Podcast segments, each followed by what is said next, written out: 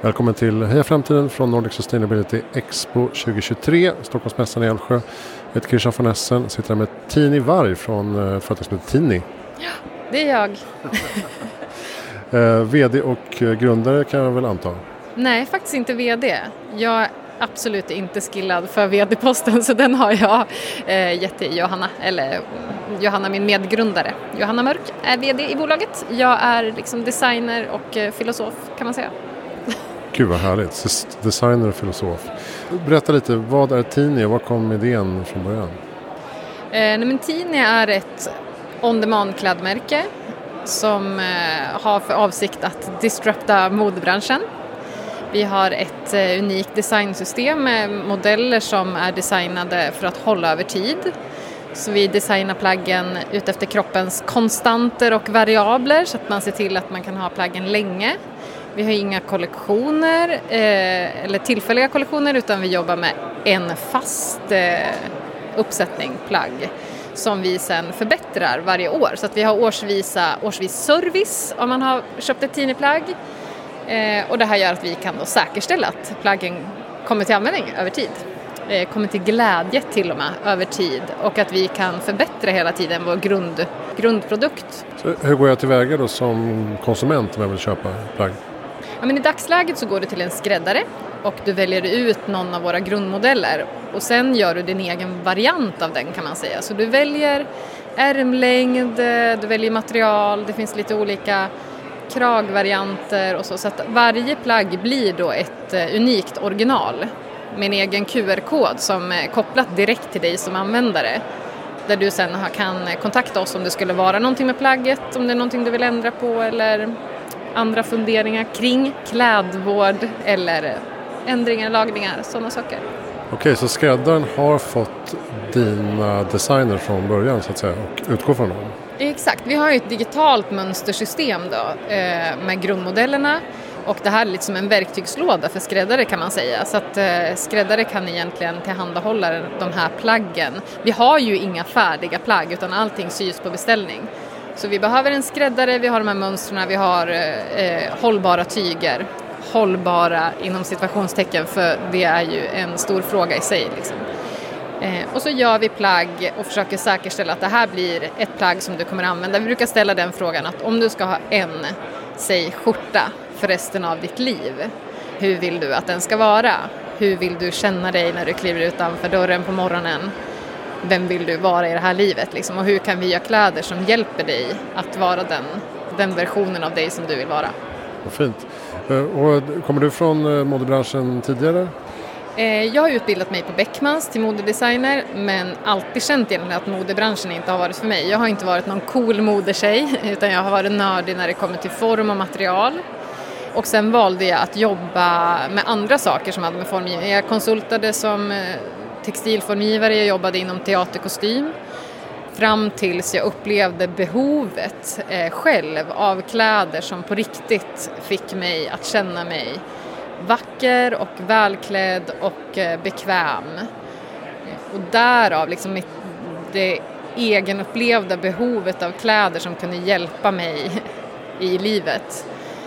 Och då eh, insåg vi också att vi hade en skalbar affärsmodell när vi hade skapat det här i och med att vi kan skala till låg risk genom lokala skräddare. Då.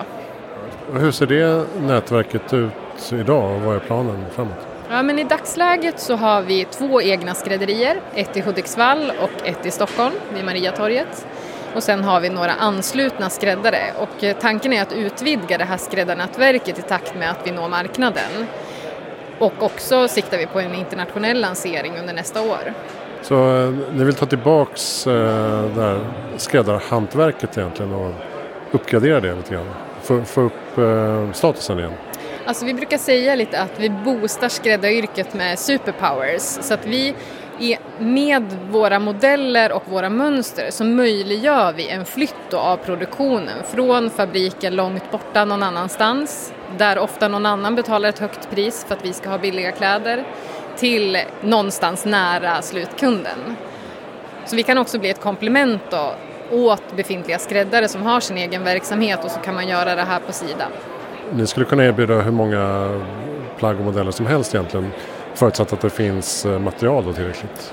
Alltså det kan man göra men det är också det som gör oss unika. Alltså, hos oss går allting hand i hand. Så modellerna är designade på det här sättet med de här materialen för att de ska vara hållbara över tid, alltså en tidlös estetik funktionsenligt. Så här, du vill kunna sträcka ut armarna och krama någon, du vill kunna hoppa över ett staket eh, eller sådana saker. Eh, men också har vi sett det att antalet valmöjligheter är någonting som kan vara ganska jobbigt för människor.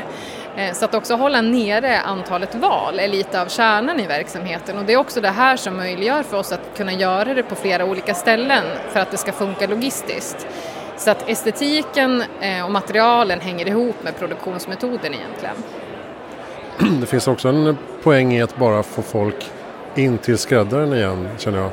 Alltså istället för att man slänger ett plagg som har ett eh, hål på knät så eh, kan man faktiskt ta sig den hundralappen och reparera istället. Det finns ju enorm potential i det. Ja men exakt, att man vet att man kan, vart man kan vända sig då om det är någonting med plaggen. Och också den personliga grejen att få någonting som är utprovat just till dig och veta att det här plagget finns för att jag har efterfrågat det och det är gjort för mig. Det byggs in en annan typ av relation till plagget än vad det gör om man går in och roffar åt sig en t-shirt på någon av kedjorna. Vi skulle ju vilja hävda att de flesta av oss har egentligen de plagg vi behöver. Så att eh, den där spontankonsumtionen är någonting vi vill komma åt. Och då har vi också så att man kan liksom börja planera och designa sin hållbara garderob i kombination med ett sparande.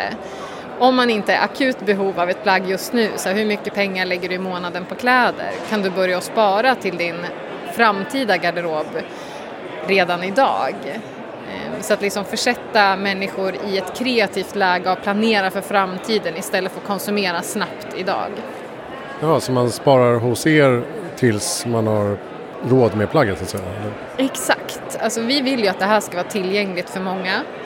Så därför har vi en sparlösning. Det är en e-faktura som man betalar månadsvis och då samlar man upp sin pott liksom och kan bygga på sin Tine-garderob över tid. Ofta brukar det vara så att man börjar med ett plagg och sen eh, när man väl är inne i processen och man har tagit det steget då fortsätter man att spara månadsvis och bygger på det här över tid och då får man också tid att tänka över vad man verkligen behöver och göra de här små justeringarna som gör väldigt stor skillnad i slutändan. Och hur mycket liksom, onboarding krävs då? Kan eh, skräddaren på hörnet eh, gå med i tidningnätverket så småningom? Ja, hur mycket är ju relativt men, men eh, det, vi har liksom egna onboardingprocesser där vi sitter med skräddare och man får lära sig om vår metod och vår mentalitet kring kläder och hur vi förhåller oss till kroppar. Och självklart att få en intro i alla plagg så att man vet hur man ska, hur man ska producera de här plaggen igen och hur de också ska, hur slutfinishen ska vara och, och leveransen till kund. Då. Och när du säger hållbara, hållbara material inom citationstecken, eh, vad är det för typ av material ni tillhandahåller? För, för det är ni som tillhandahåller dem till skräddaren? Eller? Exakt, det är för att vi ska verkligen kunna säkra att vi har en produktion som är så hållbar som möjligt. Så har vi valt att själva välja ut tygerna. Så vi jobbar bara med certifierade tyger, med deadstock, alltså överblivet material från modeindustrin och med vintage-tyger. Och, och det sourcar ni eh, på egen hand så att säga? Ja, vi har ett team som, som sourcar tyg löpande och vi har ofta en idé om ett tyg vi vill ha. Så vi har en idé om tyger vi vill ha, vi har leverantörer som vi litar på, vi bygger upp ett förtroende för och eh, ja, bygger på det här över tid egentligen. Vi försöker att inte vara för snabba utan det är de här tygerna vi har just nu, det är de här vi har säkerställt att de håller kvalitetsmässigt, framförallt de är sköna mot kroppen. Vi jobbar bara med naturfiber i dagsläget eh, för att undvika då mikroplaster eh, i naturen och vid tvätt och så, så vi jobbar med naturmaterial som känns bra mot kroppen. För det är också då vi liksom använder, väljer att använda plaggen eh, intuitivt varje dag om de känns bra mot kroppen. Och hur mycket måste ni liksom skala det här då? Jag kan tänka mig att det tar en del tid för varje plagg att tillverkas. Eh, när två skrädderier idag. Eh, om ni ska få en hållbar affärsmodell menar jag, hur, hur eh, ser expansionsplanen ut? Ja, nej, men enligt eh, våra planer så går vi break-even 2027 det finns eh, no, noggrant uträknade kalkyler på, vi, vi kommer jobba med displayytor också mycket nu. Tanken initialt var att skala genom skräddare. Men vi kommer jobba mer med displayytor i befintliga butiker på kommissionsförsäljning då, så att vi, vi kan skala stort men eh, med, till låg risk. Och också där man kan anpassa egentligen vårt designsystem. Vi kan anpassa sortimentet i, eh, till varje displayyta. De känner ju sina kunder bättre än vad vi gör.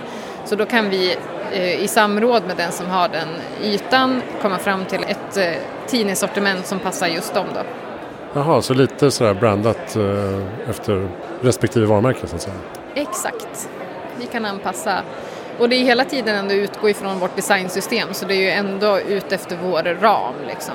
Ja, spännande. Ser du att eh, ni har eh, kollegor i textil och modebranschen som eh, vill jobba mer hållbart? Håller på att hända saker? Ja, men alltså modebranschen har ju väldigt stor press på sig generellt just nu. Det kommer massa re nya regler och lagar som kommer sätta stor press på befintliga aktörer att agera mer hållbart.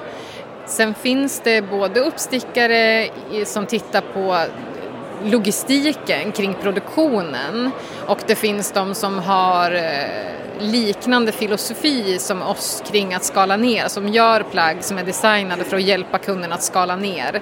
Så att det, man kommer liksom från olika håll och eh, förhoppningsvis så kan man också hitta synergier där man kan jobba tillsammans. Vi står liksom inför en stor gemensam utmaning där det gäller att eh, ja, men kroka armkrok med dem som vill gå åt samma håll och inte vara rädd för konkurrensen utan lita på att alla har sin egen unika nisch och att det finns plats för alla. Jag brukar fråga vad är ditt bästa tips för att göra världen bättre i framtiden? Jag tycker att det är spännande med kultur, liksom. att så här, all, det mesta som vi har runt omkring oss är skapat av människor. Människor som har haft idéer om någonting och som har lyckats övertyga fler människor Eh, att anamma den idén till att det har blivit en gängse norm. Jag tänker att den möjligheten vi har som människor det är att eh, våga ta steget att glömma så mycket som möjligt av det vi trodde var eh, behov och betrakta det för kanske vad de är, kanske snarare skapade behov, alltså begär och skala bort det och ställa sig frågan vad är meningsfullt på riktigt? För där tror jag att vi hittar både en mer hållbar konsumtion och också en mer hållbar situation för människor där man känner att man lever mer fullt. Mm. Fint. Tack snälla Tini Varg för att du kom till Heja Framtiden. Tack du för att jag fick komma hit. Och eh, Tini. Tini.se, vår webb, tini.nordic heter vi på sociala medier. Okej, okay, tini.nordic, bra. Hejframtiden.se, där hittar du all information om podden och mina projekt. Eh, jag heter Christian von Essen, och sänder från Nordic Sustainability Expo 2023. Tack för att du lyssnade.